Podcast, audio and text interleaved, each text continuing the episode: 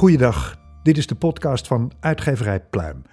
Waarin we een overzicht geven van wat er allemaal aan moois en behartenswaardigs dit voorjaar weer gaat verschijnen. Deo en corona voor. Mijn naam is Chris Keijnen en ik spreek met de auteur of met een anderszins betrokkenen.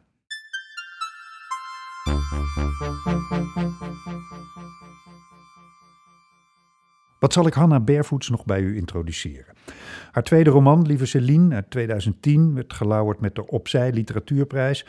En vrijwel al haar andere boeken belanden op deze dan wel gene long of wel shortlist. In 2017 werd Ivanov bekroond met de BNG Bank Literatuurprijs. En in datzelfde jaar kreeg Hanna Barefoets de Frans Kellendonkprijs voor haar hele oeuvre tot dan toe. En dit alles ontging ook de CPMB niet. En dus is Hanna Barefoets auteur van het Boekenweekgeschenk van dit uh, omineuze jaar 2021. Mm. Hanna, welkom. Dankjewel. Ja, want er is wel een geschenk, maar er is geen Boekenweek. Nou, er is wel een Boekenweek, maar niet in maart. Nee. In maart doen we nu het voorwoord. En de Boekenweek is dan uh, later dit jaar, als de boekhandels weer een tijdje open zijn. En wat gaat dat voorwoord precies inhouden? Ja, het voorwoord is een beetje een uh, proloog op de Boekenweek. Er stonden natuurlijk ook al gewoon praktisch gezien dingen gepland in de eerste week van maart. Mhm. En uh, CPMB wilde dat ook gewoon aangrijpen om de boekhandels nog even in het zonnetje te zetten. Die hebben het natuurlijk ontzettend moeilijk nu ze dicht zijn. Het valt eigenlijk niet te onderschatten hoe, hoe lastig dat is. Nee. Natuurlijk niet alleen voor boekhandels, maar toch wel Um, ja, het is toch echt wel pittig. Geen mensen in de winkel betekent ook uh, heel weinig verkoop van literatuur. Je ziet het ook in de bestsellerlist. Ja. Er staan eigenlijk bijna helemaal geen uh, Nederlandse romans meer in. Veel kookboeken. Ja, kookboeken, nou ja, snap ik ook wel. ik ook. ben dol op kookboeken, maar uh, het, het, het, is lastig. Dus daarom gaan we in die week toch nog een keer op de pannen slaan en Ja. allemaal leuke dingen doen hoor, Ja. voor de boekhandel. Ja, en um, nou ja, de Boekenweekgeschenk is er dus al. Uh, want je werkt daar al een hele tijd aan. Ja. en Het is ook al klaar. Um, hoe moeilijk was het om het te schrijven? Had je meteen ideeën? Um, Want we mogen het er ja. nu zelf nog niet over hebben. Want nee, ja, want je zei het is er al, maar het, het ligt in mijn boekenkast. Ja, maar uh, ik. voor, Het de, is voor, voor het geschreven, grote ja. publiek komt het dus pas in de echte, echte boekenweek uh, zomer, later dit jaar. Um, ja, hoe moeilijk was het om het te schrijven? Ja, was het moeilijk? Ik vond het vooral heel leuk. Ik geloof niet dat ik het moeilijk uh, vond. Ik vind moeilijk ook niet. Het associeer ik niet met schrijven. Wat niet betekent dat ik het niet uh, lastig vind of, of puzzelen. Maar het plezier overstemt toch wel, uh, overstemt toch wel het moeilijk. En ik ben eigenlijk Mm. vrij vlot begonnen. Uh, in, no in, december uh, belde Mitsi, onze uitgever, Mm. die belde mij op met het nieuws van... hey, CPMB heeft aan ons gevraagd of jij dat zou willen doen. Toen dacht ik natuurlijk, nou ja, ik wil dit super graag, maar ik wil wel een goed idee hebben. Dus heb ik me eerst een weekje teruggetrokken om, om wat ideeën uit, uh, uit te denken, waaronder dit idee. En toen ben ik eigenlijk vrij vlot gaan schrijven. Hm. Ja, december 2019 uh, stond hoofdstuk 1 op papier. Oké, okay, want heb je, heb jij altijd wel een plankje met ideeën liggen? Ik heb boekjes en daar ben Boekjes? ik ook in gaan bladeren. Oké. Okay.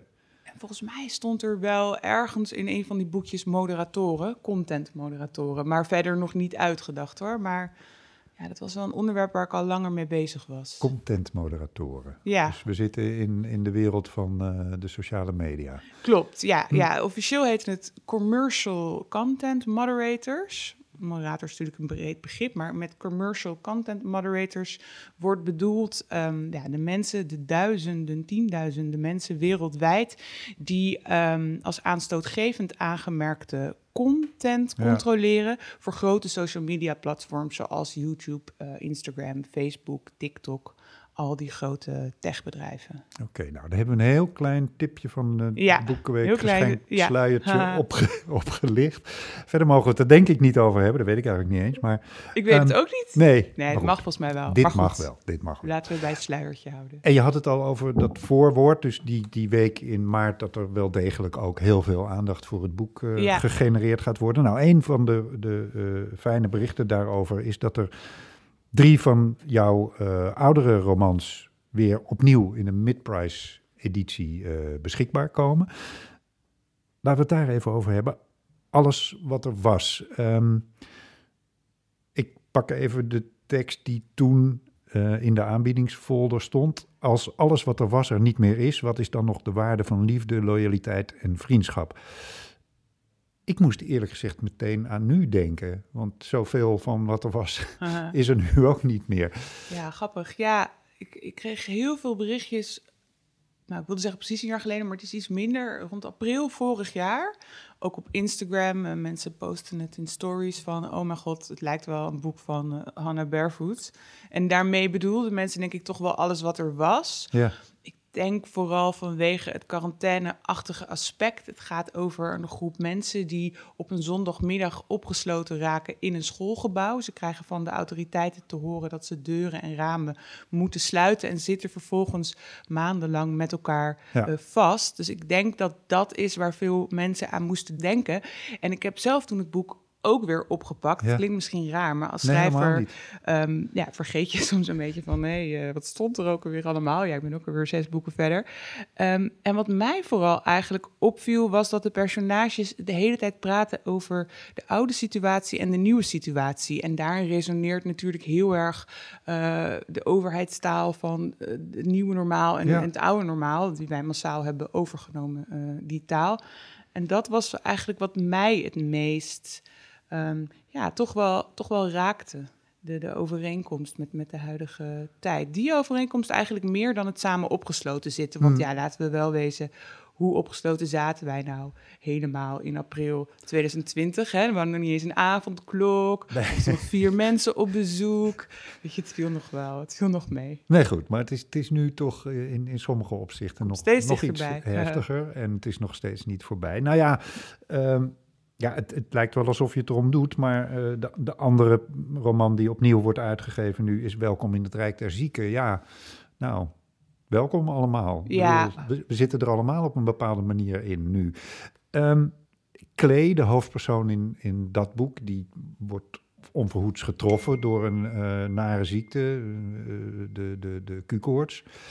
Um, of een Q-koortsachtige ziekte, is het Q-koorts? Het is Q-koorts. Het is, Q-koorts, het is zeker ja. Q-koorts, ja. Het speelt gewoon uh, heel concreet uh, ruim tien jaar geleden tijdens de grote Q-koorts-epidemie in Nederland. De grootste Q-koorts-epidemie in de wereld, weten veel mensen niet, maar dat was gewoon bij ons in Brabant. Ik heb daar altijd met verbijstering naar teruggekeken, omdat het een gigantische ramp was die hier helemaal niet zo gevoeld is. Nee, het heeft gewoon bij, het heeft, het heeft, wel wat in de media gedaan, maar die mensen zijn echt heel lang roepende in de woestijn geweest. En, uh, uh, tientallen mensen overleden. En dus nu nog steeds heel veel mensen die daar chronische klachten aan over hebben gehouden. En dat heet dan het Q-koorts vermoeidheidssyndroom. Um, ja, een syndroom, de naam zegt het al, dat betekent een hele vergaarbak aan verschrikkelijke symptomen. Waarvan vermoeidheid een van de, van de mhm. meest prominente is. Maar ook chronische pijnen en, en allerlei klachten hebben die mensen uh, last van. En het boek gaat over ja, lees eigenlijk vergeefse zoektocht naar genezing. Misschien wel naar acceptatie, hoewel dat boek, dat woord... Um, ja, ik weet niet eens of het in het boek staat. Het is hmm. zo makkelijk om te zeggen, je moet het accepteren. Het is te makkelijk uh, om dat te zeggen. En eigenlijk was um, dat verhaal, Klees verhaal, Welkom in het Rijk der Zieken, dat was waar ik meteen aan dacht uh, bij, uh, bij het uitbreken van corona. En dan eigenlijk ook specifiek dat vermoeidheidssyndroom. Omdat dat een van de langer durende gevolgen kan zijn. Hè? Dat weten we nu. Maar ik, ik voelde me, dat was eigenlijk het enige moment dat ik me echt Cassandra voelde. Ja. Ik dacht, dat gaan we ook zien bij corona. Want dat hebben we ook gezien. Um, dus ik bedoel het fenomeen, het heet dan post-viral fatigue syndrome. Mm -hmm. Dat is dan een paraplu-term voor vermoeidheidssyndromen uh, die mensen overhouden aan allerlei infecties. Denk aan SARS, ook een grote groep mensen die ja. chronisch ziek bleef eh, jarenlang.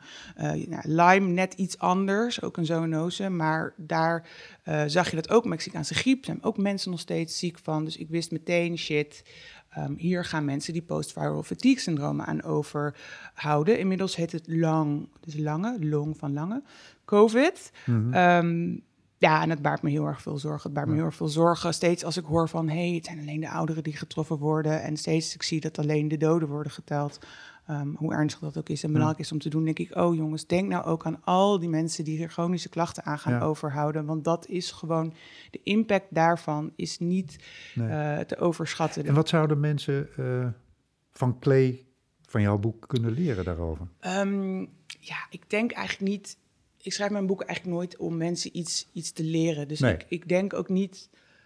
Ik denk eerder dat gezonde mensen er iets van kunnen leren. Mensen die nog niet ziek zijn, hopelijk ook nooit ziek worden, maar misschien wel een chronisch ziek persoon in hun omgeving hebben.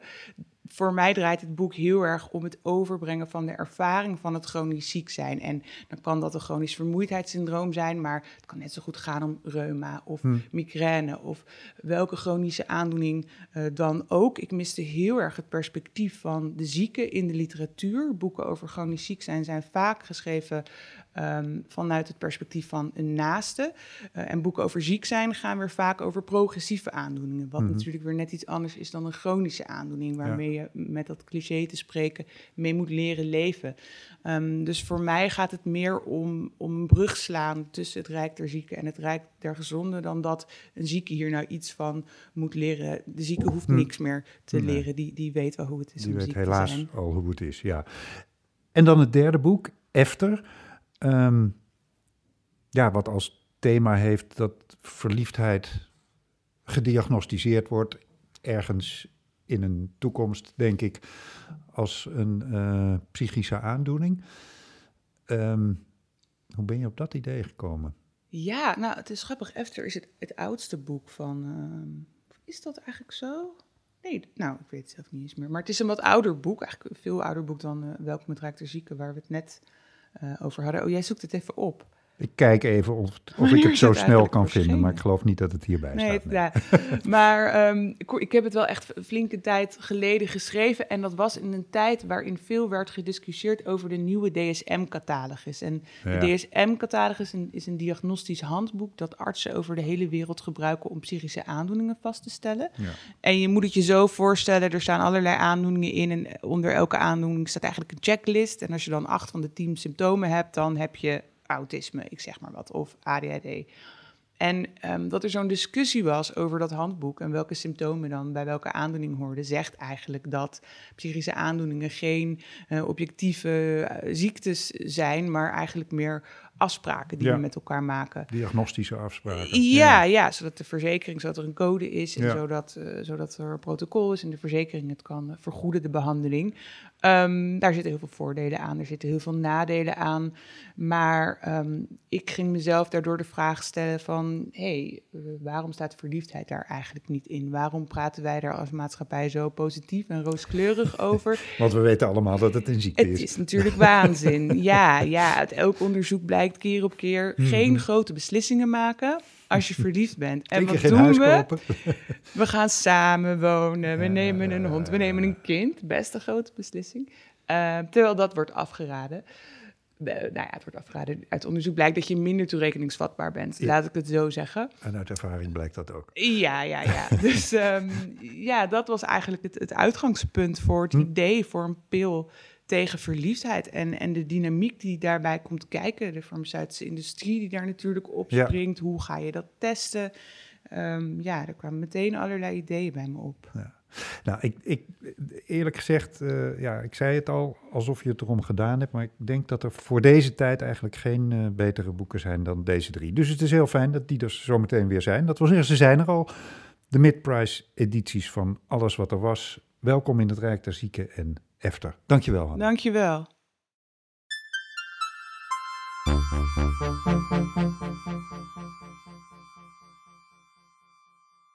De afgelopen twee jaar trakteerde Dimitri Verhulst ons op fictie in De Pruimenpluk in 2019 en op hardcore non-fictie in Onze Verslaggever in de Leegte, waarin hij verslag deed van een deel van zijn leven dat eh, veel mensen vermoedelijk niet kenden.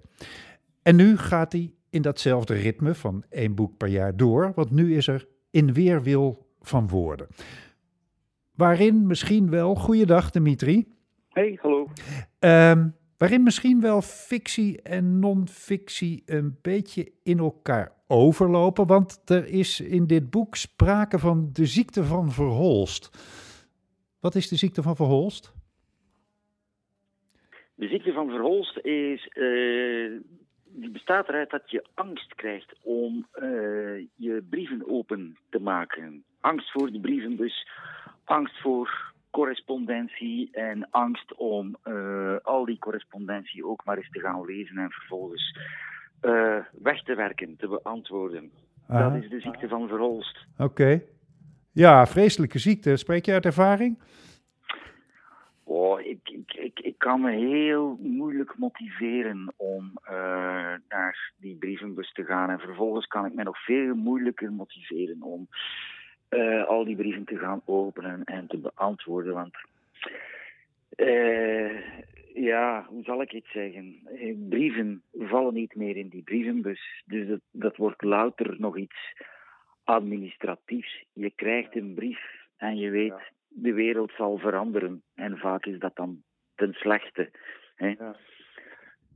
Is dat eh, voor de hoofdpersoon eh, uit jouw boek, die dan wel geen Verhulst, maar dan toch op zijn minst Verholst heet, ehm, is dat ook eh, de, de, de, de grond voor zijn brievenangst?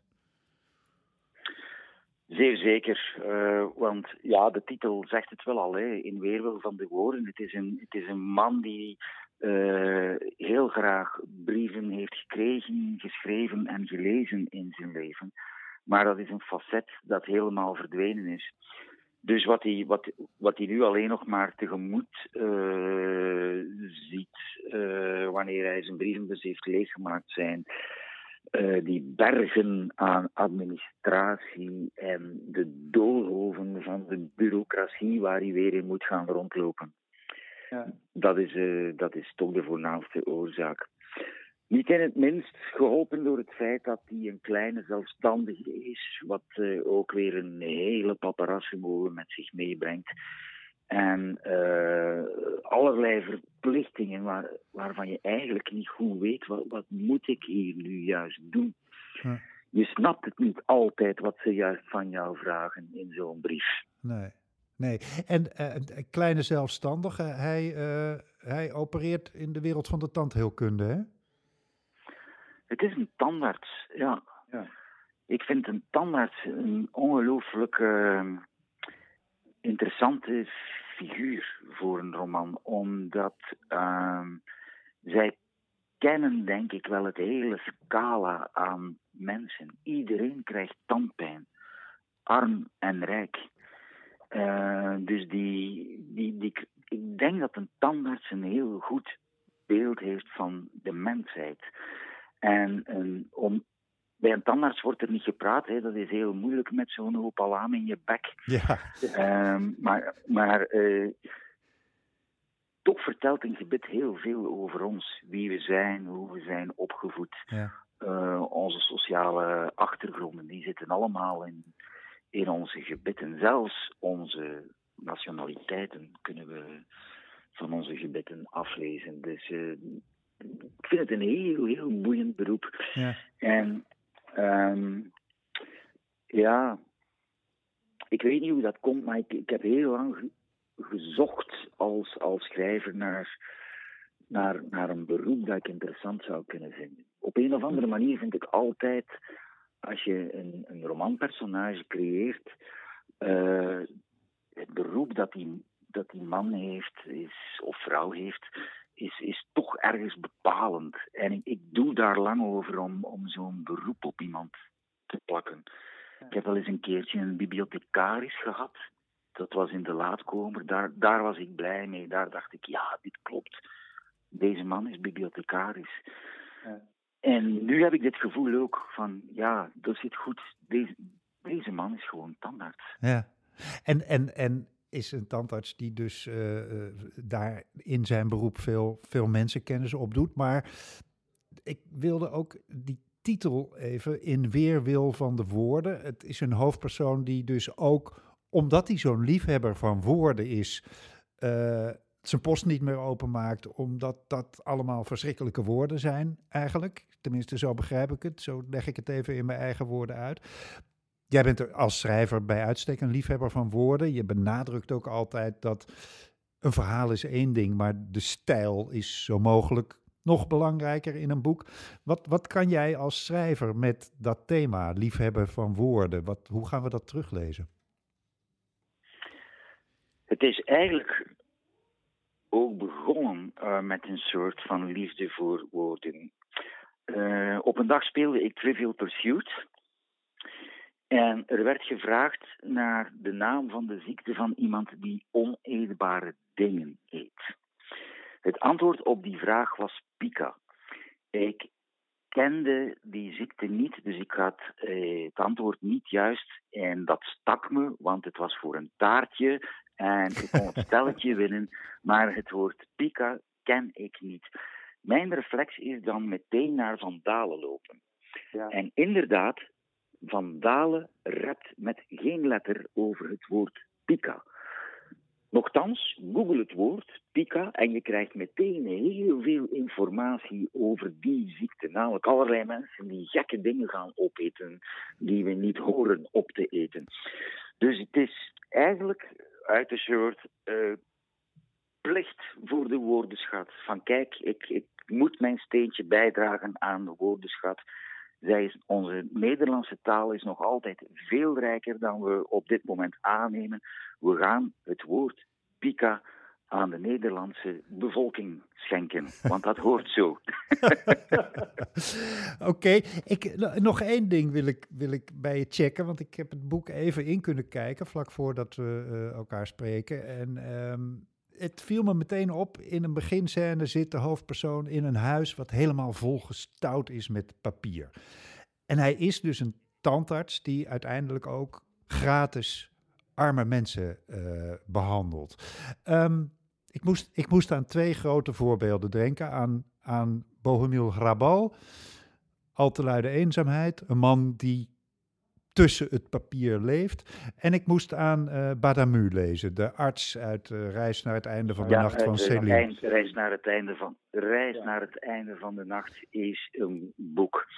Dat geldt niet alleen voor mij. Ik denk dat dat voor de meeste mensen geldt die het ooit gelezen hebben. Uh, net zoals bij Grabal trouwens. Ja. Maar die, die, die arts in die Parijse voorsteden, die dan um, ja, al die arme sloebers eigenlijk aan het helpen is door gratis uh, hen te consulteren. Ik, uh, ik, ik, ik, heb het altijd uh, onvergetelijk gevonden. En ik vind het ook wel prettig om nu ook zo'n personage te kunnen creëren. Ja. Trouwens, bij Louis Ferdinand Céline, uiteraard, zijn, zijn geschriften geven wel voer voor enig debat. Maar die, die, die man wordt altijd als uh, ja, antisemiet en een, een rechtse kerel uh, neergezet. Uh, in die mate zelfs dat je je bijna vandaag zou moeten schamen om Céline te lezen. Maar Reis naar het einde van de nacht, dat is zo'n ongelooflijk sociaal geëngageerd boek. Zeker. Dat, dat is, dat is, dat is dat, dat, mag ook wel eens belicht worden van mm, Louis Ferdinand Céline is niet alleen het ene, hij is zeer zeker ook het andere. Ja. ja. En uh, ja, uh, ik ben blij dat je dat opmerkt, maar uh, die Baramu, die, ja, die heeft in mijn gedachten gezeten. En die is dus een heel klein beetje ook onder de huid van jouw hoofdpersoon verholst gekropen. Absoluut. Ja, verholster. Ja, dankjewel uh, Dimitri. Um, in, weerwil, nee, in weerwil van de woorden is er inmiddels al. Dus uh, ik zou zeggen, onmiddellijk naar de boekhandel. Vier uur van tevoren bestellen en dan kan je het ophalen. Dankjewel Dimitri. Hey, alsjeblieft.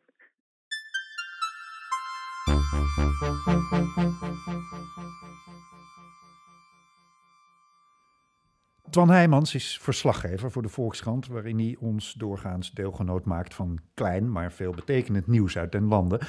Maar als schrijver pakt hij het liever groter aan. Althans, zijn hoofdpersonen doen dat. In zijn veelgeprezen roman Op Zee onderneemt een vader het waagstuk om met zijn zevenjarige dochter naar Denemarken te gaan zeilen. En in zijn nieuwste roman, Zuurstofschuld, wordt de eindeloze vlakte van de oceaan verruild voor het hooggebergte, waar niet ouderliefde, maar uh, de vriendschap wordt getest. Twan Heijmans. Ja. Ik dacht dat je een zeiler was. Ja, ja dat ben ik ook. maar ik was ook een klimmer. Je was een klimmer? Ik was een klimmer, ja. ja ik heb veel uh, geklommen. En uh, totdat ik kinderen kreeg. En wat heet klimmen? Want ik bedoel, ik heb wel eens een klimwand van dichtbij gezien. Maar was je echt In een serieuze bergenklimmer? Ja. ja, serieus. Maar we deden wel uh, leuke dingen. Ja. En, we zijn nooit, ben nooit echt in de Himalaya hoog geweest. wel in de Alpen. En uh, ja, dat doet nog steeds wat als ik daar ben. Ja. En nou maakte ik net een, een beetje een tegenstelling van de, de vlakte van de oceaan, die natuurlijk nooit vlak is, of bijna nooit, maar Hm. en, en het hooggebergte. Maar gaat het in allebei de gevallen op zee en zuurstofschuld eh, misschien ook over hetzelfde, namelijk een man tegen de elementen? Deels, ik denk dat het zijn heel andere boeken. Eh, en je kunt het zeilen en het bergbeklimmen tot op zekere hoogte vergelijken, maar niet helemaal. Hmm. Het zeilen is technischer en het bergbeklimmen is fysieker. Dus dat, Ja. dat mis je natuurlijk bij het varen. Maar ja, het is wel weer iemand die het eh, te stellen heeft met de elementen. Ja, dat, Ja. dat is zeker zo. Ja, en, en. Dat, dat, dat is dan misschien het ene element. Het andere element eh, is in het ene geval de ouderliefde, vader met Ja. zijn zevenjarige Ja. dochter. En in dit geval gaat het over vriendschap, eh, Ja. vrienden die met, el- met elkaar eh, klimmen. Een verschil lijkt me dat je op een boot moet samenwerken om te overleven. En in de bergen is dat niet altijd zo, hè? Dat is wel echt anders. Ja, dus eh, nou goed, op een boot, kijk, ik vaar ook vaak alleen hoor, dus dan werk je samen met jezelf. Ehm, in de bergen ben je veel afhankelijker van elkaar. Ja. Hè? Dus eh, eh, Walter en Lenny, de twee eh, hoofdpersonen in het boek, die, nou, die hangen eigenlijk continu aan het touw. Samen. Letterlijk. Letterlijk. Als de een, als de een dus, valt, ja. kan hij de ander meenemen. Hè? Of, Ja. of de ander kan hem kan zijn val breken. Dus je bent, je bent veel meer op elkaar aangewezen. Maar dat hoeft ook niet zo te zijn. Hè? Je kan dan ook een gevaar worden voor de ander in de bergen. Hè, als je als, als de een zijn been breekt en niet meer vooruit kan, is de ander in- ook in problemen. Mhm. Dus dat heeft veel meer. Eigenlijk komt daarboven komt het, eh, komt enorme druk te staan op eh, de relatie die je met iemand anders hebt. En in dit geval eh, ook op de vriendschap. En wordt eigenlijk heel erg duidelijk hoe die vriendschap in elkaar zit. Wie is de leider? Hè? Wie gaat meestal voorop? Ja. Eh, wie is de, de slimme? Wie is de sterke? Eh, al je karaktertrekken worden eigenlijk uitvergroot ja. eh, daarboven. En dat is heel anders dan op zee. Ja, de, de, de, de morele impact ervan is heel anders. Ja, nee, dat is zo. En eh, het is ook gewoon echt veel gevaarlijker. Ik bedoel, wat ik heb gedaan, dat, dat viel nog wel mee. Maar op een gegeven moment ben je toch in de situatie die zegt van, nou ja, ik krijg een kind. Eh, laten we maar iets voorzicht, voorzichtiger aan gaan doen. Ja. Eh, en zeker als je, als je ziet wat Walter en Lenny doen, die eigenlijk hun hele leven... Dat zijn de twee hoofdpersonen. hoofdpersonen, ja. Eh, Walter is de verteller Ja, en Lenny is de, en Lenny is de, de vriend, met wie hij altijd van, Ja. van studententijd af aan geklommen heeft. Ja, ze hebben eigenlijk nooit wat anders gedaan. Nee. Dus ze hebben eigenlijk niet eens gestudeerd. Ze zijn eh, daar helemaal voor gegaan. Mhm. Waarbij Lenny uiteindelijk eh, dat niet doorzet en Walter wel. ja. Dat is het. eh, Ja. En het, het, het, het raamverhaal van het, van het boek is... Het zou de laatste klimtocht van Walter kunnen zijn. ja, het is zijn ehm, laatste berg. Waarin, waarin ja, de, de tochten uit het verleden eh, Ja. met hem meeklimmen, zal ik, Ja. zal ik maar zeggen. Ehm, waarin het, het grote morele dilemma is, op een gegeven moment moet je misschien om te overleven wel kiezen voor jezelf en niet voor de ander. Is dat, is dat dan ook waarin het boek niet meer over bergbeklimmen, maar over ons allemaal gaat? Ja, dat en het gaat nog verder over keuzes maken. Het is zeg maar, eh, Walter is, eh, eh, heeft een bepaalde leeftijd, heeft eigenlijk alles geklommen wat je kan klimmen, is heel goed, een hele goede klimmer. Maar ja, weet je, alles is al beklommen in die bergen. Dus als jij de Mhm. Mount Everest beklimt, dan, ja, dat is eigenlijk niks meer. Hè? Dus dat is, het is nog geen toeristenberg geworden, maar, maar hij zit daarmee, hè? want hij heeft al die boeken gelezen van al die grote alpinisten uit het verleden. Eh, Boeken die overigens, eh, althans in de verhalen die Ja. erin beschreven worden, ook allemaal Die zijn allemaal ingeslopen. Ja, in er zit een lange, komen, een lange literatuurlijst vertelt achterin, ook eh, veel van die klassieke Ja, klimverhalen in je eigen woorden na. Wat het, Precies. wat het boek een, een enorme diepgang en spanning geeft, eh, vind ik zelf. Ja. ja, nou, dat is fijn om te horen. dat was ik de, nou ja, die, die verhalen zijn eigenlijk ingeslopen. Dat was Mhm. hem niet mijn idee om dat te doen van tevoren. Hè? Want ik wilde een verhaal maken over een man die eh, op een leeftijd is gekomen dat je om gaat kijken. Hè? Dit, op een gegeven moment dan nou heb ik zelf ook meegemaakt, eh, dan eh, kijk je minder, eh, minder vooruit dan achteruit. En dan ga ik nadenken van ja, waarom heb ik dit gedaan? En dat Geen is idee zijn, waar je het over hebt. ik kijk heel doordringend aan, maar dat kun je zo niet. eh. Ehm, en eh, ehm, nou ja, in het, het, het, het geval van, van eh, Walter kijkt hij dus terug, letterlijk vanaf het begin. Het boek begint op de top van een berg en hij Mhm. kijkt eigenlijk uit over zichzelf. Mhm. Dat is wat, er, hè, en van wat heb ik. eh, eh, wat heb ik gedaan? En dat is, zijn al die verhalen van die eh, alpinisten die vaak mensen in Nederland helemaal niet kennen. Hmm. Hè, er zijn eh, eh, mijn grote eh, idolen als eh, Walter Bonatti, een Italiaan, is nooit een fantastisch boek gemaakt, boeken. Hij was ook journalist, maar niet in het Nederlands vertaald. Nee. Eh ook niet. En Ja. het zijn allemaal... Meisner, verder komende mensen. Nee, denk ik nee je, hebt, Ja. eh, je hebt dan een paar eh, Ja. hotshots, zeg maar. Maar die kunnen wel... kijk, toen zij in de bergen waren, was het nog echt heel bijzonder wat ze daar deden. Want ze, ze konden echt nieuwe routes maken. Het zegt mensen weinig, als ze mijn boek hebben gelezen wel, maar Bonatti-pijler bijvoorbeeld is een, eh, is een hele beroemde route. En de, de- de, eh, dat heeft die man toch maar geflikt in de jaren zestig. Ja. En daar is prachtig over geschreven. En al die verhalen zijn een beetje uitgedoofd. Dus op een gegeven moment, ik heb al die boeken en, eh, en ik dacht, ik moet ze ook een beetje weer licht geven. Ja, En dat kan zo. En dat, nou ja, dat, zit, dat zit- gebeurt ook in het hoofd van Walter. ja. Die niet zomaar Walter heet, maar dezelfde voornaam als Bonatti heeft. Hm. Eh, en dat is, nou ja, dat is zo gebeurd. En dat is eigenlijk helemaal doorvlochten in het boek. Dus Ja. er zit echt heel veel, heel veel a- verhalen in. Ja. Ja.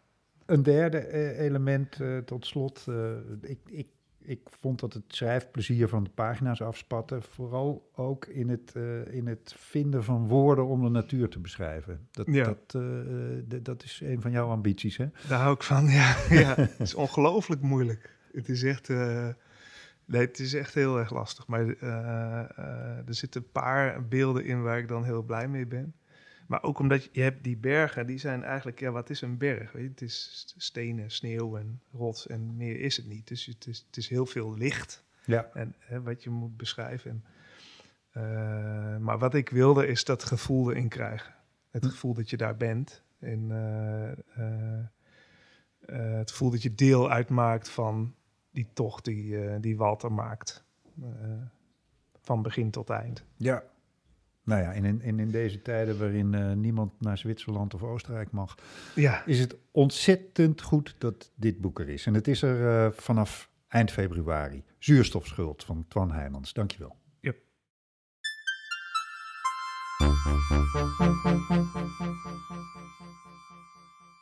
We zijn nog nooit zo welvarend geweest, maar er is crisis waar we maar kijken. Het is tijd om onze waarden en principes opnieuw te bekijken en nieuwe doelen te stellen. Nou, laat dat maar aan Maya Geupel over. In zeven stappen loodst zij in Onze Wereld Nieuw Denken de lezer door de grootste uitdagingen van deze generatie. Ik ga over dat boek spreken met Marcel Misset, die het vertaalde voor uitgeverij Pluim. Hallo Marcel. hi. Ehm, ja, zeven stappen voor de grootste uitdagingen. Laten we beginnen met die uitdagingen. Welke zijn dat? Ja, ik weet niet of uitdagingen helemaal de exacte eh, formulering is. In, in zeven stappen eh, probeert Maya Geupel een beeld te geven van eh, hoe wij nu over de wereld denken. En alternatieven te bieden ho- hoe we over de wereld zouden moeten denken. Dus het is niet zozeer een stappenplan als wel een, een, een tocht langs allerlei feiten en gegevens over onze wereld, over onze aarde. En eh, wat we zouden moeten doen, wat we kunnen doen om eh, een, een andere koers te, te kiezen Ja. op het gebied van milieu. En, en als het goed, uitdagingen is dan niet het goede woord, maar crisis misschien. eh, wel- wel- welke zijn de grootste crisis die zij behandelt in dit boek? Nou ja, het milieu en de natuur, daar, dat is het onderwerp van dit boek. Eh, Maya Geupel is geen eh, milieudeskundige, maar een politiek econome. Hm? En ze zegt in het begin van het boek ook: ik ga geen eh, trieste verhalen vertellen over het uitsterven van allerlei diersoorten en, en milieurampen die ons nog te wachten staan. Zij probeert een beeld te geven van hoe wij naar de wereld kijken, hoe dat is ontstaan Uh, en, en, en voor een groot deel wat daar fout aan is, of fout, wat daar, wat daar door allemaal verkeerd loopt Hmm. in uh, de wereld. Ja, kan, kan je dat iets concreter maken? Nou, zij doet dat aan de hand van hele uh, goede, simpele, aansprekende voorbeelden. Ze begint in het boek bij de Apollo-missie uit 1968. Volgens mij was dat ook de Apollo 8, waarbij astronauten uh, om de maan heen uh, zeilden, ja. vlogen, om de achterkant te fotograferen. Heel ontroerend, gewoon met een spiegelreflexcamera door het raam overigens. en een van die astronauten kijkt om en ziet ineens de aarde achter de maan vandaan komen. Zo'n hele mooie, glanzende blauwe bol in een, in een volkomen zwart vlak. En dat is het eerste beeld waarop je uh, de aarde eenzaam in het heelal ziet. En ook eigenlijk ziet hoe klein die aarde is. Um, dat is een iconische foto geworden. Dat is een, Die ja, staat ja, ja. voor de kwetsbaarheid van, van alles waar wij van leven. Ja, iets wat zij zich toen ook onmiddellijk eh, eh, realiseerde. En, Hm. en daarom is die foto ook zo beroemd geworden. En nu weten wij dat wij één aarde hebben en niet twee of drie. Hmm. Eh, laten we maar even buiten beschouwing of we Mars moeten gaan koloniseren. Ik geloof het niet, maar... ehm, Misschien beter voor Mars van niet in ieder geval, maar goed. Precies, ja. Ehm, in die tijd, in 68, eh, leefde er de helft minder mensen op aarde. Dat zijn van die feiten, dingen die je wel... 68, echt waar? Ja, in, in, in die korte tijd is de wereldbevolking verdubbeld. En zij vergelijkt het met een eh, bioscoopfilm. Als je de hele geschiedenis van de mensheid op aarde eh, beschouwt als een film waar je eh, naar gaat zitten Mhm. kijken, zegt dan is eigenlijk de allerlaatste seconde van de aftiteling, dat is die 50 jaar, als je het op een schaal uitzet. Dus dat betekent dat onze aarde razendsnel in die laatste 50 jaar aan het, niet per se aan het overbevolken is, maar dat de, de, de, de druk op de aarde, de druk op alle eh, bronnen, eh, op de natuur, eh, gigantisch is Dus als je het over een grafiek hebt, dan is dit de hockeystick der hockeysticken, zal Ja, ik maar zeggen. Zeker, ja. die hockeystick komt regelmatig ook in het, in het boek weer, weer ter sprake. Ja. Ja. Maar goed, ehm, ze benoemt problemen, maar het boek gaat vooral, we moeten de wereld nieuw denken. Dus het Ja. gaat ook over oplossingen, neem ik aan. Is, ja, je, we kunnen ze niet allemaal behandelen, want Nee. daarvoor moeten de mensen het boek lezen. Maar is Ja. er één oplossingsrichting waarvan jij zegt, nou, dat heeft mij enorm getroffen, dat ze daarmee Eh, kwam? nee, want ik geloof niet dat zij eh, die oplossingen wil geven. Ik denk dat zij ons in een ander spoor wil zetten. Dat zij op een, op een, op, eh, ehm, de wereld nieuw wil denken. Want wat ik net vertelde, eh, in de afgelopen 50 jaar eh, is er heel veel kennis verzameld over wat er allemaal misgaat. Ja.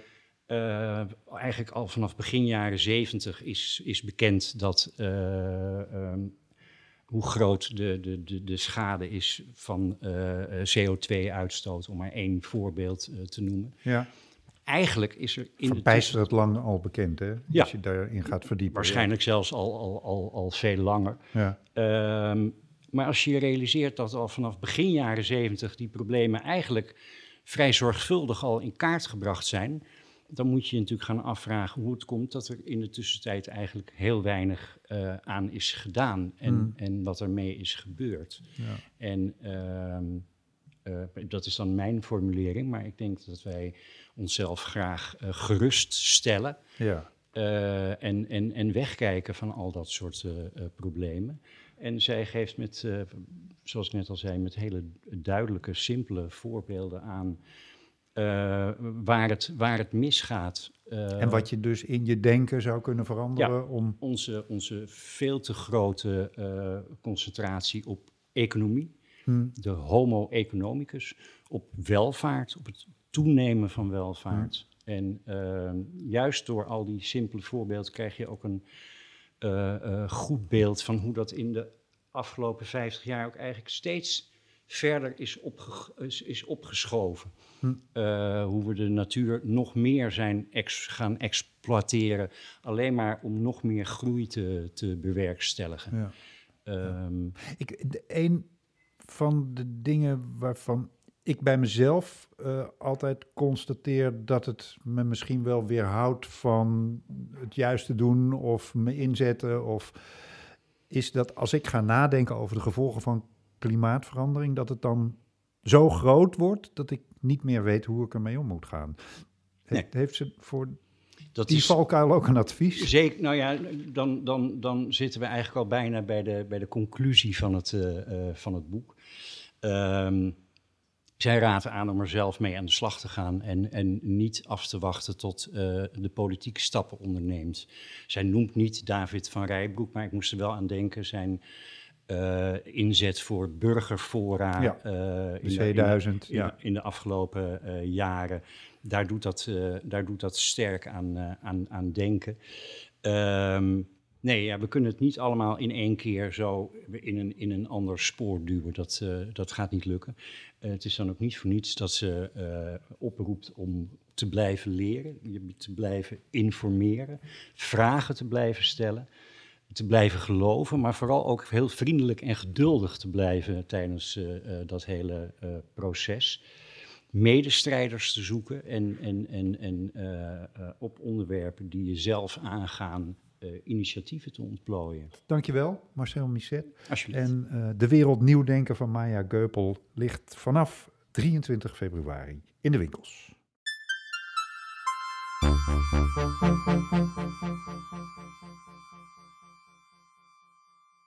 Otto Spanjer heeft één doel: journalist worden. Maar na zijn studie sociologie wil het voor de voormalige gymnasiast maar niet vlotten. Als webredacteur bij een weekblad en sociale media-redacteur bij de katholieke televisieomroep schrijft hij clickbait-artikelen die het digitale bereik enorm vergroten. Maar voor het schrijven van goede journalistieke verhalen lijkt geen plaats. De banen die Spanje ambieert zijn bezet door vijftigers met een vast contract. Vol minachting slaat hij hun eeuwige galanterfront gade. Met de rug tegen de muur bedenkt hij een plan om het Old Boys netwerk dat hem tegenhoudt te verslaan. Welkom in de debuutroman van Jeroen Pen, de meest besproken man van Nederland. Dag Jeroen. Dag Chris. Laten we hopen dat jij na het verschijnen van dit boek ook een van de meest besproken mannen van Nederland wordt. Dat zou leuk zijn, dat zou leuk zijn, ja. Um, uit deze beschrijving uh, krijg ik de indruk dat het een boos boek is, of in ieder geval een boze hoofdfiguur. Uh, ja, enigszins gefrustreerd. Uh, klopt wel, ja. Uh, het is een jongen die heel graag er doorheen wil komen. Hij wil heel graag journalist worden. Ehm, maar dat lukt hem niet. of hij komt wel in de journalistiek terecht, maar hij heeft steeds bullshitbanen. Mm. Zo ervaart hij dat zelf. en boven hem zitten steeds vijftigers met vaste contracten die nou ook niet heel erg hard werken. En, waarbij het heilige vuur plaats heeft gemaakt voor een schuchter waakvlammetje. maar hij komt daar toch niet langs en, en dat frustreert hem enorm. Uh, en hij zit sowieso, hij komt uit Amsterdam, hij woont in een stad waar hij niet betaalbaar kan wonen, dus hij heeft een aantal frustraties. Maar uh, ik, ik, hoop ook dat het een grappig boek is. Hmm. Uh, ja, en, en nou ja, het is natuurlijk een verboden vraag om naar het autobiografische gehalte van het boek te vragen. Maar dit, jij hebt zelf een achtergrond in de journalistiek, toch? Zeker. Ja, ja. En ook in dit soort frustraties? Uh, nou, dat is eigenlijk een uh, uh, geestig verhaal. Want het leven werd een beetje ingehaald door de kunst. Het ging eigenlijk met mijn carrière wel goed. Ja. Ik heb inderdaad net als Otto bij een weekblad gewerkt en bij een omroep. Caro en CV. En bij die Caro en CV ging het eigenlijk hartstikke lekker. Ik was leidinggevend. Ik had Brand Plus verzonnen en ik gaf daar leiding aan. Ehm, maar toen wilde ik graag dit boek schrijven. Die ambitie kwam erin toen diende ik mijn ontslag in, ging ik bij het Parool werken en uh, ik eigenlijk niet zo goed door wat ik ging doen. Uh, maar toen bleek dat ik webredacteur was. Dat ontdekte ik eigenlijk pas na vier, vijf weken. Dus ik kwam op een gegeven moment thuis. Want dat was niet uh, waar je op gesolliciteerd had? Het ging een beetje gek, ging een mm, beetje snel. Maar okay. ik dacht in ieder geval, ik wilde graag een boek schrijven over een jongen met een bullshitbaan. Daarvoor diende ik mijn ontslag en ging ik ander werk doen. Oh, dat, dat idee had je Ja, al, dat idee was er Terwijl al. je zelf ja. niet uit een bullshitbaan kwam? Dus nee, je, nee, zeker okay, niet. Nee, okay. ik stond op het, het, topje van de berg. Ik dacht, laat ik als... Uh, Laat er nou één keer een millennial zijn die een boek schrijft dat niet helemaal over hemzelf gaat. uh, maar uh, toen haalde dat me in en uh, toen kwam ik op een gegeven moment thuis. Ik weet nog dat ik tegen mijn vriendin zei, volgens mij ben ik webredacteur. En toen was ik over iets aan het schrijven wat ik dus ook aan het doorleven was wel, ja. Hoewel dat niet gepland was. Nee, Nee, dat was niet gepland, maar dat, dat kwam goed uit. Ik bedoel, dat, dat, Eh, dat nou, stimuleerde elkaar, of niet? Goed uit, dat stimuleerde elkaar wel. Eh 32 uur per week is veel om iets te doen wat je niet leuk vindt. Dus dat, eh, Hmm. maar ik kon me beter inleven in hem daardoor. Ja. Ja. maar goed, dat idee, want dat had je dus al van iemand in een bullshitbaan. eh was dat, had je dan meteen al het idee van dat moet iemand in de media zijn die, die tegen die, die, die vastgekoekte laag aan de bovenkant van, van Ja. van de babyboomers aan? Ja, zeker. Want die, ik had eigenlijk een paar dingen wist ik zeker. Die bullshitbaan moest er zijn. Eh, die, die moest een strijd worden met die vaste contracten. En ehm, iemand met een bullshitbaan leek me als contrast mooi dan. Eh, dat was eigenlijk het enige idee dat ik had op dat moment. Plus aan het eind moest de netmanager weg. Dat, eh, dat leek me geestig. De netmanager moest weg. Waarom Ja. moest hij weg? Ehm, nou ja, ik had net een reorganisatie meegemaakt waardoor door een ingeving van de netmanager 20 mensen weg moesten. Ehm, en ik Dat was bij de eh, KRO Dat was bij de KRO en CRV. zeker toen Hmm. eh Brandpunt van tv werd gehaald. Oh ja. Ehm, en ik dacht, nou, misschien kan in de literatuur eh, het anders aflopen. Hmm. Is, het, is het daarmee ook een soort sleutelroman geworden? Of? Ja, dat, dat is natuurlijk een, lastig begrip. Daar moet je echt mee oppassen. Ehm, als je nog verder wil in de journalistiek, ja. Zeker, dus dat is, dat is inderdaad een, dat is een, een onderwerpje voor mij. Is een sleutelroman. Kijk, d- er zitten ontegenzeggelijk aspecten in die uit de werkelijkheid komen, die de goede verstaander ook zal herkennen. Je hoeft ook niet een hele goede verstaander te zijn. Ik kan me voorstellen dat de omroep, omroep die ik beschrijf, die lijkt op een omroep eh, waar ik gewerkt heb. Er zal misschien deze of gene talkshow langskomen waarvan mensen denken... hé, hey, zo'n programma Ja. heb ik wel eens gezien. Ja. Ja, en het, het gebouw eh, waar ik gewerkt heb, zou ik zelfs in kunnen herkennen. Dus ik hoop dat het gebouw niet heel erg gekwetst is daardoor. Mhm. Ehm, qua de mensen die erin zitten, dan moet ik je teleurstellen. Die zijn echt ontsproten uit mijn fantasie. Ik heb natuurlijk wel geplukt uit het type mensen dat in Hilversum rondloopt. ja. Dus de, zeg maar, de, het archetype van de eh, zelf ingenomen, een beetje arrogante presentator... of de wat warrige hoofdredacteur die vooral politiek aan het bedrijf is... en op zijn plek wil blijven, dat zijn natuurlijk... eh, eh, eh, dingen die daar veel gebeuren. eh, eh, maar dat zijn meer archetypes die volgens mij op elke redactie, bij elk bedrijf misschien wel rondlopen. Ja. Ja. Het is je debuut. Zeker. Hoe beviel het schrijven? Nou, ik vind het schrijven van een boek echt een absolute helletocht en het leukste wat er is. Dus ehm, ik, ik vond het eigenlijk vanaf het begin heel erg leuk om te doen. Ik ben heel goed begeleid hier ook. En ik had altijd al het gevoel dat ik een boek moest schrijven. Dus eh, dat is eindelijk gebeurd. Ja. En je zei, ik, er zit zeker boosheid in die hoofdfiguur en frustratie, maar ik hoop dat er toch ook veel eh, te lachen valt. Was dat, was dat ook wat je je Ja. voornam? Om... Ja, zeker, zeker. Hmm. Ehm, kijk, ik, ik, ik wil hier, hierna graag een hele warme roman schrijven hoor. Eh, maar dit is een roman waar inderdaad een- de, de hoofdpersoon gewoon gefrustreerd is. Eh, maar ik hoop wel dat dat geestig is. Het, moet niet, het is niet een soort cynische afrekening, dat is niet het idee. Nee. Bovendien denk ik dat als je het van A tot Z leest, dat over de hoofdpersoon zelf en, en zijn generatie en zijn eh, eh, type mens, type gedrag, dat dat ook wel redelijk op de hak wordt genomen. Dus, Ja, want millennials kunnen ook flink zeuren, hè? Jee, mijn hemel, verschrikkelijk. Ja, Gebeurt dat ook in het boek? Eh, zeker, zeker. Ehm, eh, er wordt heel wat afgevuurd door de millennials. En tussen de lijnen door zit ook veel kritiek op mijn generatie en hoe die mensen zich toch gedragen. Ehm, en het is dan misschien niet echt een sleutelroman, hoewel er het een en ander in herkenbaar is. Ehm, Ja, je kijk, wil- ik vind... eh, Ja, De, bij de sleutelmannen gaat iedereen bij alles denken, zou dat die zijn? Is dit echt gebeurd? En dat is de, de, de verwijzingen naar letterlijke mensen zijn er niet zo. En de gebeurtenis heb ik veelal bedacht of vervormd. Dus ehm, het is niet een, misschien is het niet een harde sleutelroman, maar een zachte sleutelroman. ja, dus niet een afrekening in die Dus, zin. eh, zeker niet. Nee, nee. Want je, je, Dat had doeltreffender gekund. Namelijk.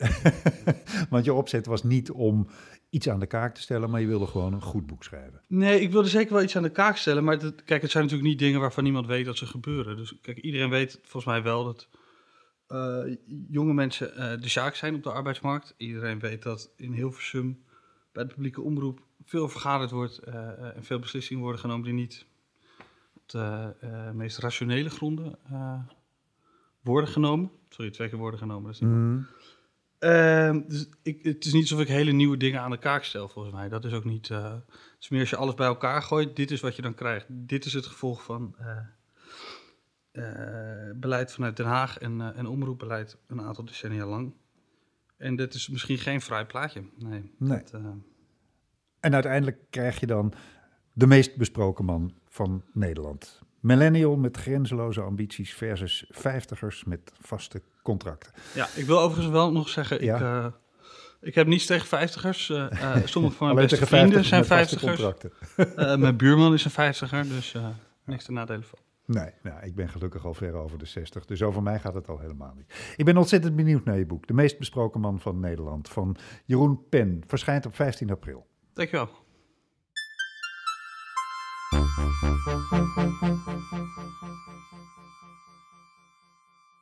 Tamsin Kelladus is een vlotte dertiger met een baan in de media, die in de hippe Londense wijk Notting Hill woont. Niks bijzonders. Tot zij en haar man besluiten hun leventje in de stad te verruilen voor het ruige en onbekende van een klein Schots eiland in de Hebride. Ze gaan de schapen fokken, landelijk. Rustig en idyllisch is het beeld dat ze voor ogen hebben, weg van het eeuwige jachtige.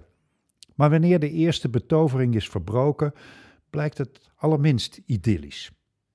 Al dus met een gezellige cliffhanger een inleiding op het autobiografische Ik ben een eiland van Tamsin Kalidas. En dat werd vertaald door Hans Kloos. Dag Hans. Hallo.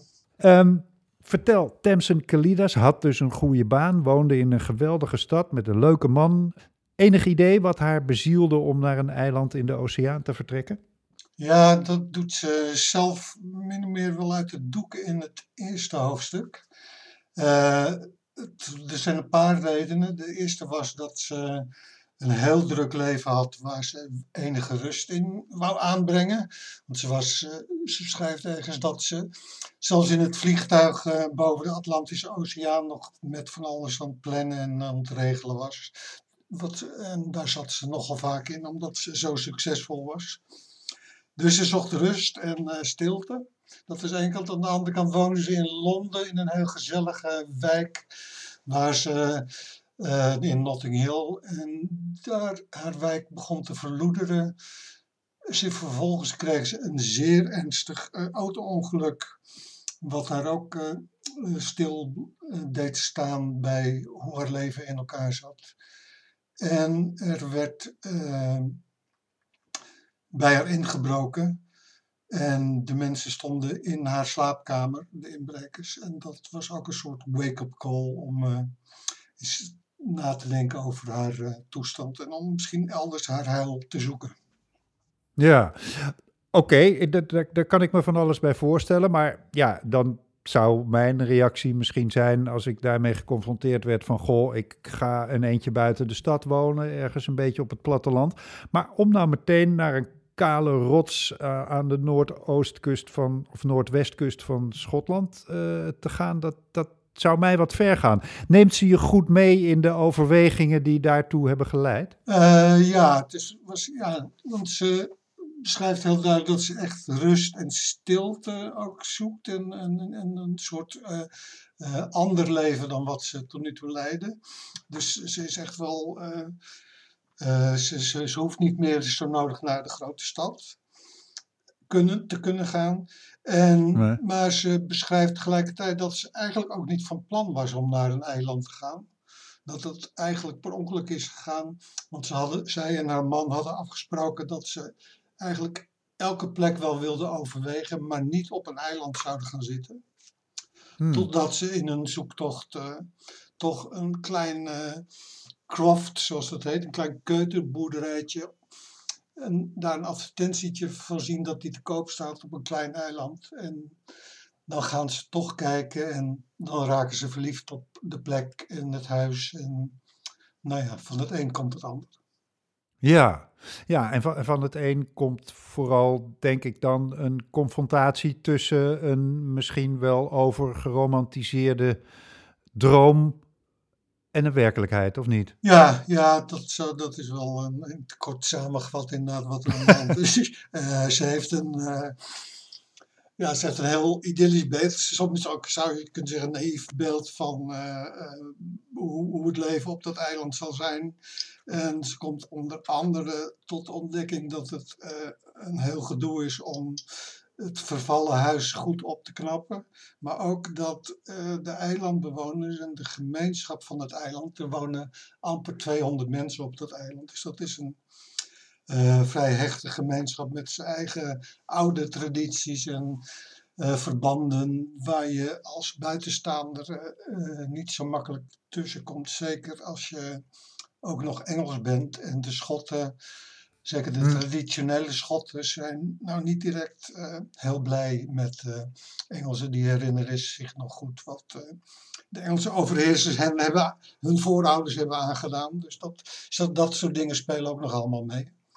Ja. En dat, ja. Nou ja, dat komt ze keer op keer tegen. Ja, en, en dat, dat zijn op zich misschien nog wel een beetje voorspelbare dingen, maar, dat, maar er, gaat, er treedt ook gewoon uh, de wet van Murphy uh, in werking, hè? Ik geloof ja, dat, dat, echt... dat, dat, kun je wel stellen, ja, want de, de, de droom die verandert echt in een, een nachtmerrie. Dus uh, is, krijgt ze die, laten zeggen, de tegenwerking van het eiland en, en de, de problemen, de praktische problemen.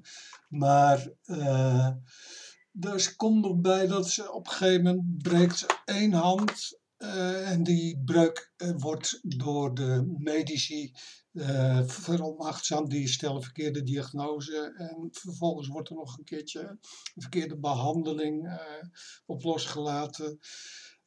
Ze probeert met haar man al een tijdje kinderen te krijgen. En dat is ook een ontzettend gedoe. En hm. ondertussen blijkt naderhand dat haar man andere dingen doet terwijl zij een kind het proberen is te krijgen, om het maar wat eufemistisch uit te drukken. We kunnen ons er iets bij voorstellen, ja. En nou ja, zo stapelt, uiteindelijk leidt dat zelfs tot een scheiding. En hm. dat is nog niet het eind. Er komen nog meer ongelukken op ongelukken. Dus hm. eigenlijk is het ook een. Het hele boek is een soort. Uh, nou, het verhaal van een droom die een nachtmerrie wordt. Maar ook een. Uh, het is ook een, een, een heel klassiek uh, louteringsverhaal, zou ik bijna zeggen iemand gaat door diepe dalen van ellende en het scheelt niet echt maar heel weinig of daar eindigt het ook.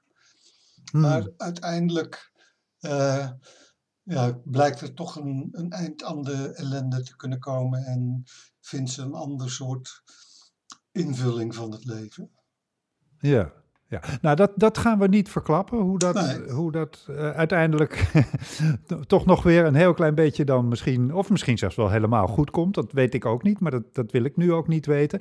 Um, ik wil wel nog even weten, want ja, zo'n opeenstapeling van ellende, waarvan je misschien ook voor een deel uh, dingen wel kan voorzien. Tenminste, ik denk, ja, als je op zo'n rots gaat zitten, natuurlijk is dat niet zo makkelijk. Maar dat kan ook heel larmoyant worden en, en too much. En uh, waarom is het toch een goed boek geworden? Nou, ik denk omdat ze en heel goed, heel eerlijk probeert te beschrijven wat er allemaal aan de hand is, wat er allemaal speelt en zichzelf daar ook niet in ontziet. En uh, ze blijft ook, uh, ze ziet ook, laat zeggen, het grotere geheel in. Uh, ze, ze ziet niet, de wereld is niet, niet per se de wereld tegen haar, maar ze ziet dat zij uit een bepaald verband komt, namelijk als stedeling en dat ze in een plattelanders samenleving terecht is gekomen die uh, ook nog behoorlijk patriarchaal is, terwijl zij uh, ja, inmiddels in een wat modernere wereld leeft, waar vrouwen een grotere rol spelen dan uh, in, op het eiland nog gewoon is. Dus mm-hmm. ja, ze geeft vrij duidelijk, neemt ze je mee in de, hoe het van kwaad tot erger wordt.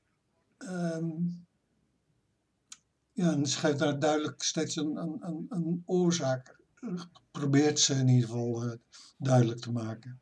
En die, hmm. die, oorzaak ligt buiten haar, maar die ligt voor een deel ook in haar, in haar eigen verleden, in haar, zelfs in haar genen. En, nou ja. en dan is, dan is iedere uh, ja, wordingsroman van iemand die zichzelf ontdekt, hoe die ook verder uh, gesitueerd is, is natuurlijk uh, interessant voor iedereen. Want dat is iets waar we allemaal doorheen ja, gaan. Ja, het is typisch zo'n boek waarbij je ook inderdaad zelf regelmatig zit en denkt van hoe zou ik het zelf in zo'n situatie gedaan hebben? Wat zou ik gedacht hebben? Geregen, hoe zou ik gereageerd hebben? En daar is ja. dit, ja, zo, zo werkt dit boek heel snel. Oké. En in ieder geval is het uh, daarmee door Vogue uitgeroepen tot uh, memoir van, uh, van het jaar. Dus nou ja, heel goed dat je het vertaald hebt. Was dat een genoegen om het te vertalen? Ja, dat was, het was een, ik ben weer allerlei Schotse dingen heb ik er weer bij geleerd. En er zaten weer ik heb ook weer dingen bijgeleerd over schapenveilingen en uh, wat er allemaal bij komt kijken. Het is, elk boek is weer anders wat dat betreft. Maar ja, dit boek wat ook mooi was sinds. Uh, er zitten heel veel uh, natuurbeschrijvingen in ook. En het was. ja, die, die, ze, maakt, ze kan die heel zintuigelijk maken en heel dichtbij. Je halen als lezer. En dat is, een mooi, het is mooi om dat uh, ook in het Nederlands uh, te proberen. En ik hoop dat dat uh, een beetje gelukt is.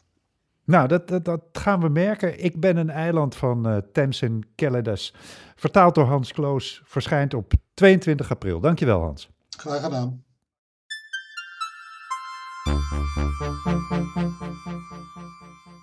Maarten van der Graaf schrijft poëzie en proza.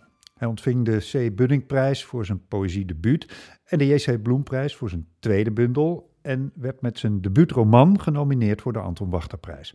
Vorig jaar verscheen zijn derde dichtbundel en nu is er de tweede roman. Maarten, welkom. Dankjewel. Ja, hoe werkt dat? Uh, je bent dichter en romanschrijver. Um, dient een roman zich aan of was het er gewoon tijd voor? Hoe werkt dat? Uh, ja, hoe werkt dat? Ik ben inderdaad uh, eh, romanschrijver. Ben, ja, ben ik dat al? Ja, ik heb één roman gepubliceerd, dus dan, ben ik wel romanschrijver. Hè? Ja. ja. Uh, omdat niks ik meer dicht ben. nee, nee, daar is niks meer aan te doen. Hè? Ik, ik denk dat uh, de boeken onderling, of, uh, of het nou een dichtbundel is of een roman, voor mijn gevoel ehm, reageren ze een beetje op elkaar. Hmm? Dus het ene boek komt een beetje eigenlijk uit het andere voort. ik reageer op wat ik heb gemaakt en denk ik, oké, dan is dit er. En wat nu? Hmm. Um, ik mis bijvoorbeeld in, in dit boek mis ik iets. En dan ga ik dat zoeken, dan ga ik daar uh, dat proberen uit te werken. Ik denk dat dit ook een voorbeeld hiervan is. Hmm. Nederland in stukken, mijn laatste dichtbundel inderdaad die je noemde, die bevat allerlei dingen die eigenlijk zijn uitgegroeid tot deze roman, zou je kunnen zeggen. Wat voor dingen? Nou. Kan je dat benoemen? Ja, zeker. Uh, um, er, het laatste gedicht uh, van. Uh, het is een lang gedicht van Nederland in stukken bevat nog wel wat science fiction elementen. Mm -hmm. En die zijn later weer teruggekeerd in deze roman. Uh, dus er, zijn echt, oh, er is ook wel een duidelijke link tussen die uh, twee boeken. Terwijl het een totaal ander boek is, er helemaal niet lijkt op die dichtbundel. En toch zijn ze verbonden. Hmm. Omdat het als afzetpunt uh, fungeert. En ik moet zeggen, die dichtbundel was, zat vol geconcentreerde taal. Die als het ware als een soort pletwals de taal in elkaar had gedouwd. En nu wilde ik wel meer de ruimte in. En ik hmm. dacht, ja, ik heb zin in allerlei doolhoven allerlei uh, personages die met je aan de haal gaan. En toen, toen ontstond er al snel een roman. Toen kwam er zomaar een roman. Ja, ja um, uh, ik, ik, lees heel even uh, de, de, beschrijving zoals die in de aanbiedingsfolder staat. Ira ja. woont in Dierenriem, een wijk waar het stil is op straat en alles gekmakend ordelijk verloopt.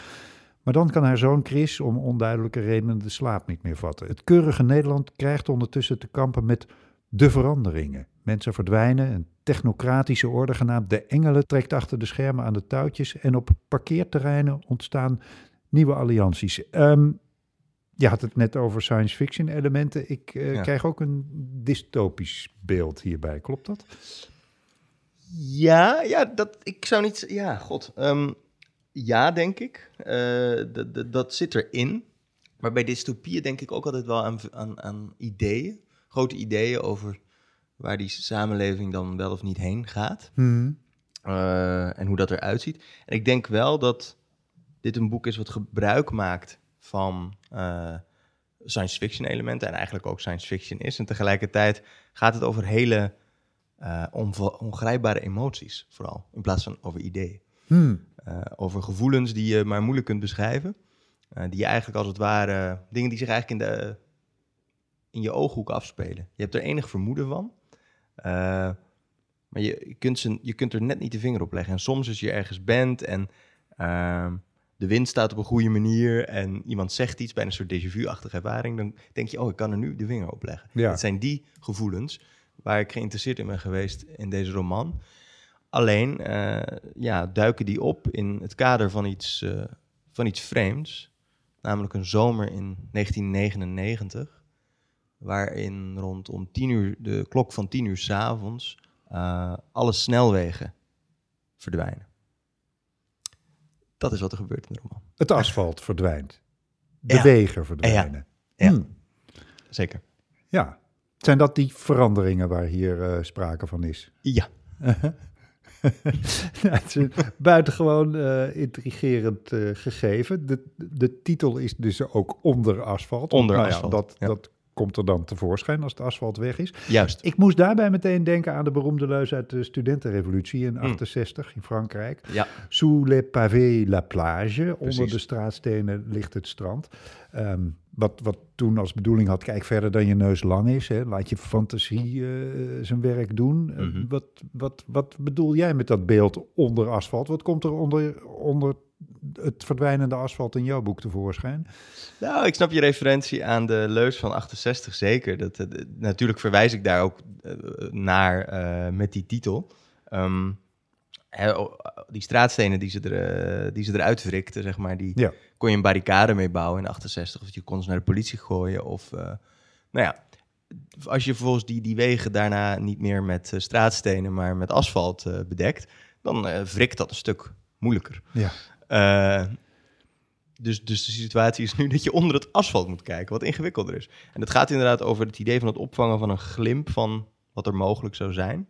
Of wat er misschien mogelijk is geweest. Uh, politiek gezien ook. Hm. Uh, maar ook, qua, ook in, in, in de verbeelding inderdaad, die, die natuurlijk ook politiek is. Um, en daar gaat die roman ook over. Nogmaals, niet op de manier waarop het over ja, grote ideeën over die politieke omwentelingen gaat. Niet, maar... niet, laat ik zeggen, ik moet niet denken aan uh, The Plot Against America van Philip Roth. Nee, niet zo van een, een what-if history. Een what-if, precies. Ja. Nee, nee, precies. Daar moet je niet echt aan denken. Het is, uh, het is absurder dan dat, denk ik.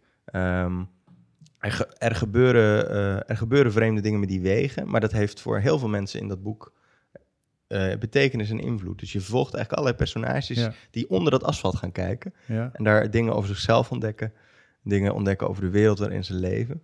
Dus de psychologie is misschien belangrijker dan het grote maatschappelijke verhaal.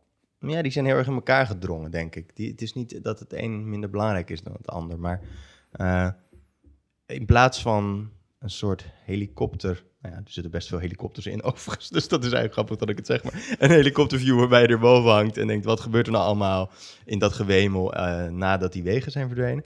Daal je heel erg af. Je begint in een, uh, langs de A27. Er is een feestje van een, uh, van een bank. Die heeft, die heeft viert een feestje. En twee van de werknemers, die lopen naar buiten om te gaan roken. En dan blijkt dus... Het asfalt weg. Ja. en op dat niveau ja. ga, ga, ga, duik je die wereld in. Ja, ja. ja. Nou staat er in de beschrijving ook een ongrijpbare toekomst waar we ons al middenin bevinden. Nou, het, het, lijkt mij een perfecte beschrijving van de huidige toestand. Ik, ik, weet niet hoe lang je aan dit boek gewerkt hebt, wanneer je begonnen bent met schrijven, maar bedoel... 2019. Eind 2019. Eind 2019. Dus het wordt tot niet in de pandemie, of heeft de pandemie zijn weg uh, in het boek ook wel gevonden? Nee, het is, het is geen, uh, wat dan nu al coronaroman heet. Dat, zou, hmm. dat is het absoluut niet, denk ik. Tegelijkertijd is het natuurlijk wel zo dat het grootste deel ervan tijdens de eerste lockdown is geschreven, ongeveer. Ja. Uh, dus het, dat er iets van de sfeer van die tijd, uh, dat begin hier althans, in dat boek is gaan zitten, dat het erin gecijpeld is, dat kan ik niet helemaal um, uitsluiten. Um, ja, ik, ik begon eind 2019 aan een kort verhaal waarin er een feestje langs de snelweg was. En opeens zag ik ze naar buiten lopen, bij de rand van dat asfalt komen en denken, waar is de snelweg? en hm, hm, hm, wat is, zou dit een, het zou een interessant kort verhaal kunnen zijn. Voor ik het wist, liep het ontzettend uit de klauwen. En, en werd het een hele, hele roman. en het gevoel, nou, wat ik interessant vind aan de parallel die je trekt, is de, het gevoel, hoe, hoe zijn we hier nu gekomen? Hoe zijn we hier beland? Mhm. Hoe is dit ontstaan? Wel, waar begin je ook met dat verhaal?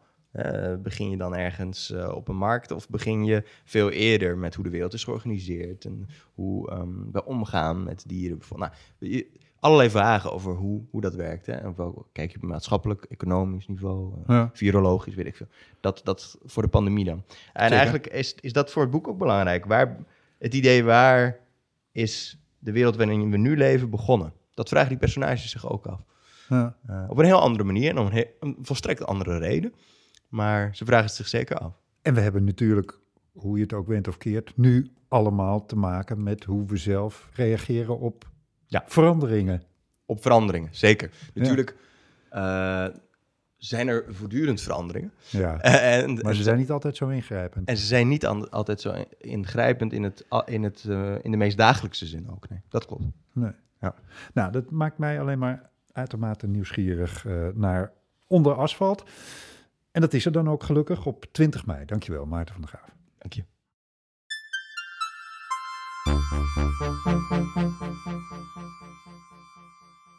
Harcourt Kleinfelter was een 27-jarige theologiestudent toen in 1965 een burgerrechtenactivist werd vermoord in Selma, Alabama, in de Verenigde Staten. En toen hij daarover hoorde, besloot hij niet aan de kant te blijven staan. En dat was het begin van een ongelofelijke reis die hem, om te beginnen, aan de zijde van Martin Luther King in het hart van de burgerrechtenbeweging deed belanden. En uiteindelijk, goeiedag Johan Frits. Goeiedag. In Nederland, hè? Ja. Want waar woont hij? Uh, nou moet ik het even goed zeggen. Steenwolderwij. Ik, ik, ik, ik, uh, ik weet even nu, ja, val je me mee. Ik weet niet wat de precieze woonplaats is, eerlijk gezegd. Het is, het is Steen... Wijkerwold? Steenwijkerwold, dat zou kunnen. Ja, dat is in. De, in de kop van Overijssel. Ja, ja, klopt. Dat is het. bij, uh, er toch nog opgekomen. bij Steenwijk. Het is een soort uh, de slimste mens is dit. Net op tijd. ja.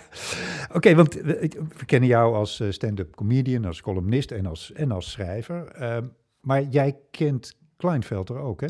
Nou ja, uh, sowieso uh, stand-up comedy inderdaad heb ik lang gemaakt. Of tenminste eigenlijk cabaret, maar dat, dat maak ik eigenlijk al heel lang niet meer. Maar dat, uh, dat heb ik inderdaad wel gemaakt. Dus het is nu vooral het schrijven waar ik me op richt. Ja. Maar Harkert heb ik ontmoet in 2019 op een evenement in Almere. Mijn, waar ik ben geboren en opgegroeid. Of nee, niet geboren, maar wel opgegroeid. Ja.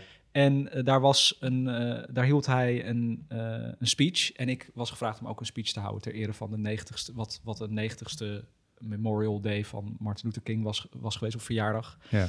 En uh, daar heb ik hem ontmoet. En dat was heel erg indrukwekkend om hem uh, te horen spreken. Maar vooral ook, hij heeft een bandrecorder waarmee hij dus die speeches heeft opgenomen van Martin Luther King. Ja, want dat is, uh, misschien moeten we dat even uitleggen, dat is hoe het voor hem begon. Hè? Hij ging, wat ik net vertelde, hij had gehoord van die moord ja. op een predikant en burgerrechtenactivist in Selma.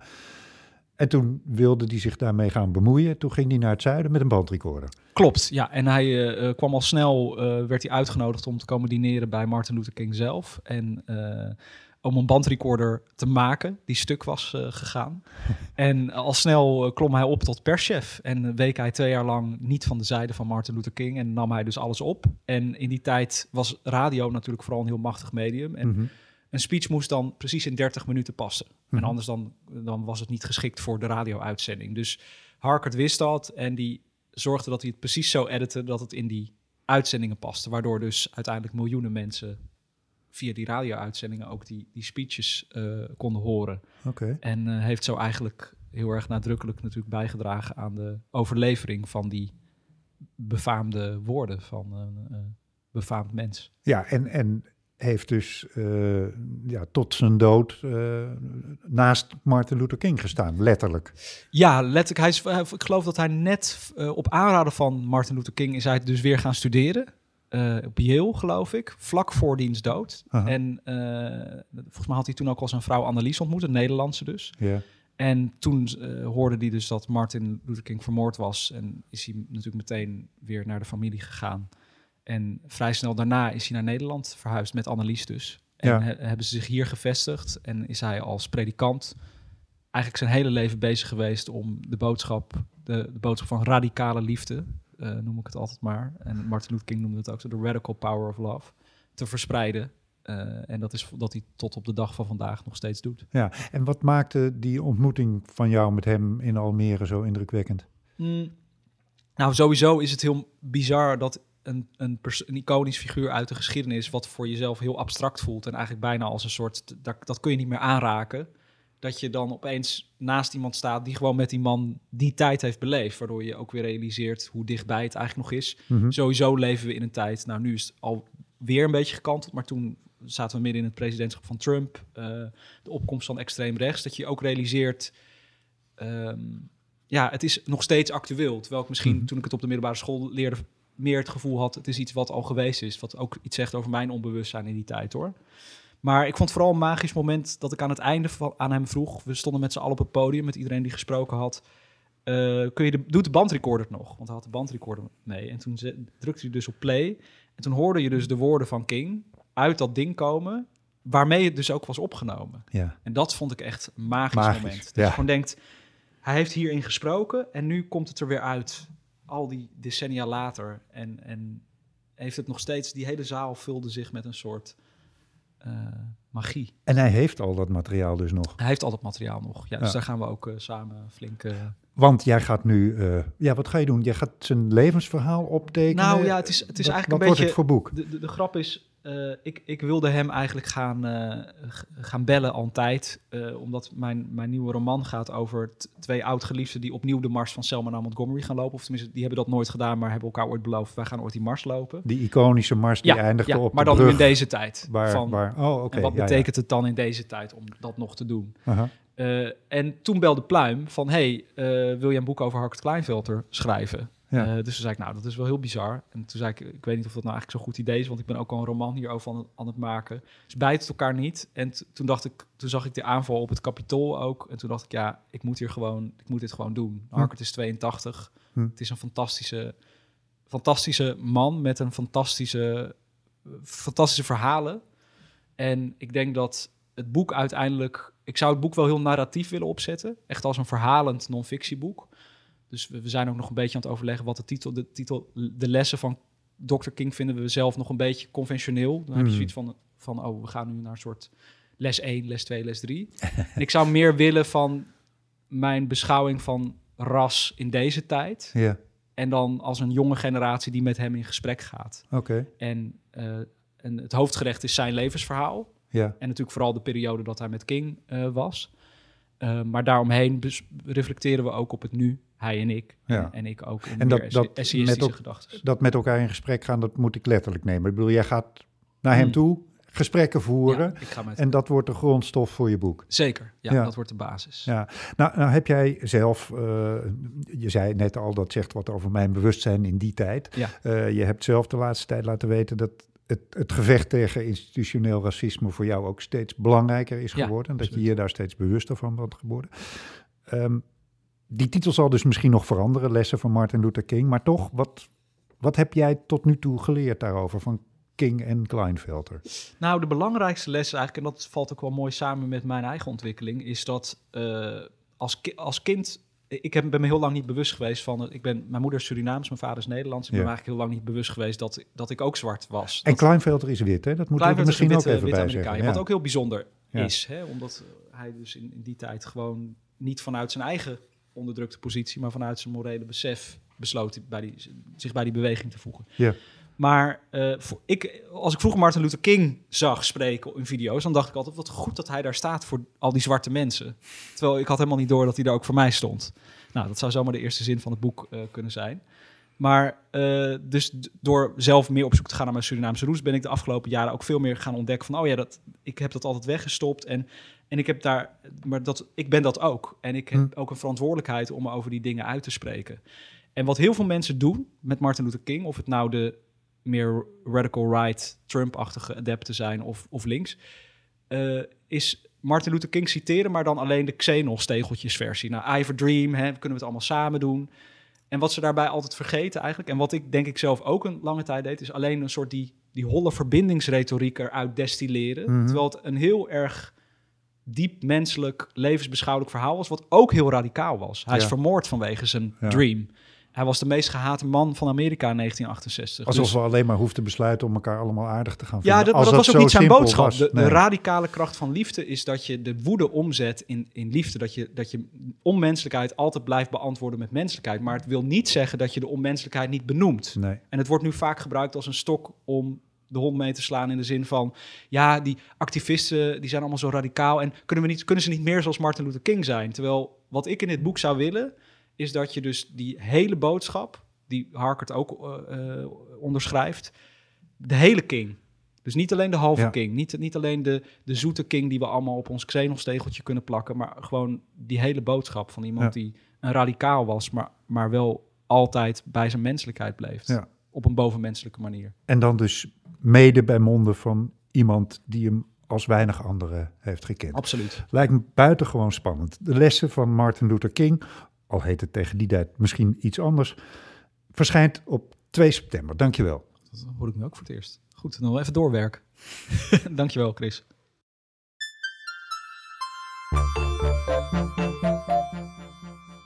En dit was eh, de boekenpodcast van voorjaar 2021 van uitgeverij Pluim. Op de website van de uitgeverij vindt u alles wat u nodig hebt als u deze boeken wilt bestellen.